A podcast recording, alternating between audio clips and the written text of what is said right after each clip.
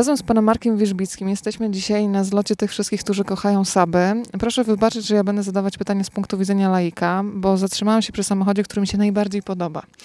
Ale mam też w sobie ciekawość dotyczącą jego historii, bo nie tylko na jego ładności, ale też funkcjonalności duszy samochodu będziemy się skupiać, jeżeli to możliwe. No to kiedy ten zielony, bo podobno tak jest nazywany, znalazł się w pana życiu? To już 11 lat użytkuję ten samochód. 11 lat temu pojawiłem się w Kańczudze z moim kolegą. To był bodajże luty.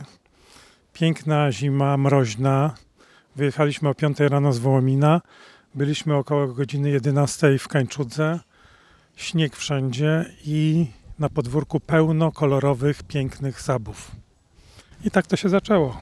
Powiedzmy od razu, żeby Państwo, którzy będą nas słuchać, mogli sobie zwizualizować, przy jakim modelu my stoimy, z którego roku. No i trochę spróbujmy go opisać słowami. Ja dołączę zdjęcia, ale na razie uruchamiamy wyobraźnię. Stoimy przy Sabie 95. Dzisiaj byśmy powiedzieli, że to jest kombi. To jest samochód z 1974 roku, siedmioosobowy. Powiedzmy, na czym polega ta siedmioosobowość, bo jestem zachwycona, że można jechać i to legalnie, faktycznie w bagażniku. Tak, no to tak jak e, współczesne samochody, ma z tyłu ławeczkę, na której siedzą dwie osoby, może nie, nie dorosłe, ale dzieci na pewno się zmieszczą. Oczywiście od razu trzeba by było pom- pomyśleć o fotelikach. W dzisiejszych czasach to w ogóle nie byłoby mowy chyba o tym. Tak, by ten e, składany fotelik z tyłu, który jest e, tyłem do kierunku jazdy ustawiony, w ostatnim roku produkcji tego samochodu już został zlikwidowany i tam znajduje się koło zapasowe. Natomiast ten samochód to jest tak jak e, kiedyś e, Genio Wilk powiedział: Sab zawsze dowieziecie do domu. Nigdy mnie nie zawiódł. Ale są tacy zazdrośnicy, tak przynajmniej słyszałam na mieście. Myślę, że to z zazdrości wynika. Yy, mówią, chcesz Saba? To od razu się zaprzyjaźni ze swoim mechanikiem. Czyli nie ma prawdy w tym powiedzeniu?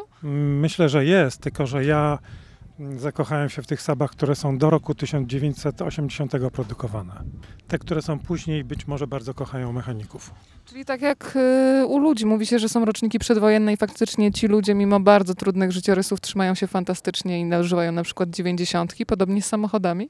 Tak, z tym, że Saby powstały już po II wojnie światowej. I to jest samochód, który chyba jako jedyny w Europie nie ma tych korzeni przedwojennych. Powstał po wojnie grupka ludzi, która nie miała już co robić w fabrykach zbrojeniowych, wymyśliła sobie Saba i, i tak mamy dzisiaj Saba. Nie byli to fachowcy od samochodów, to byli piloci. Powiedział pan, że to jest model z lat 70. Zaskakujące dla mnie było to, że to jest model, który ma na przykład podgrzewane siedzenia. Co jeszcze może być zaskakującego dla laika, który się na sabach nie zna? To teraz otwieramy drzwi i zaglądamy do środka. Dobrze.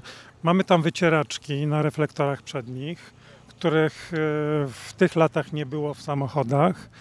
Mamy tą ławeczkę z tyłu dla dwóch osób, e, które jadą tyłem do kierunku jazdy.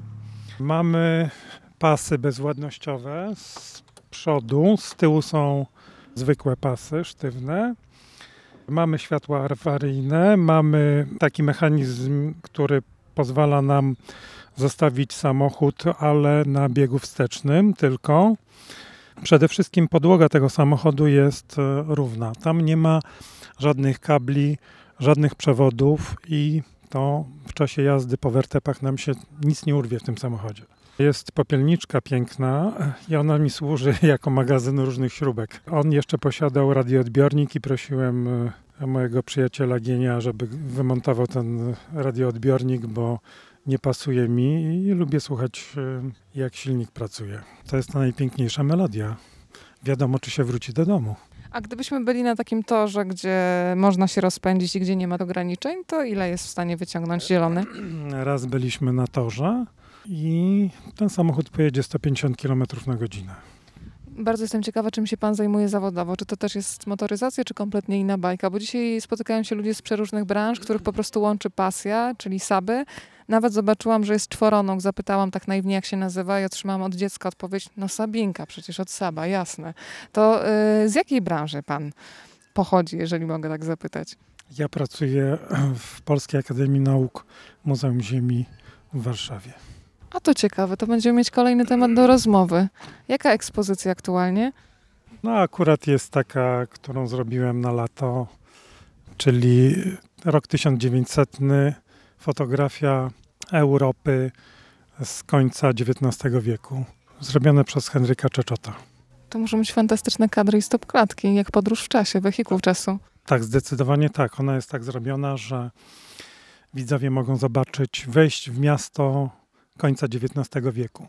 I to są miasta europejskie. Akurat duże zdjęcia, które w jednej z sal są przedstawione, pokazują nam e, Petersburg, e, nabrzeże w Petersburgu również, Paryż, e, Strasburg e, i Wiedeń. A Lizbona może? Tak z nadzieją pytam. Niestety Lizbony nie ma, tam Czeczot nie dotarł, ale przejechał naprawdę dużą ilość kilometrów. Jak liczyłem, musi być to powyżej 10 tysięcy kilometrów. I to w roku 900, gdzie nie było samochodów. Na zdjęciach nie ma ani jednego samochodu. To bardzo dziękuję. W takim razie spotykamy się na wystawie, żeby więcej porozmawiać o fotografii. Muzeum tak jest. Zapraszam.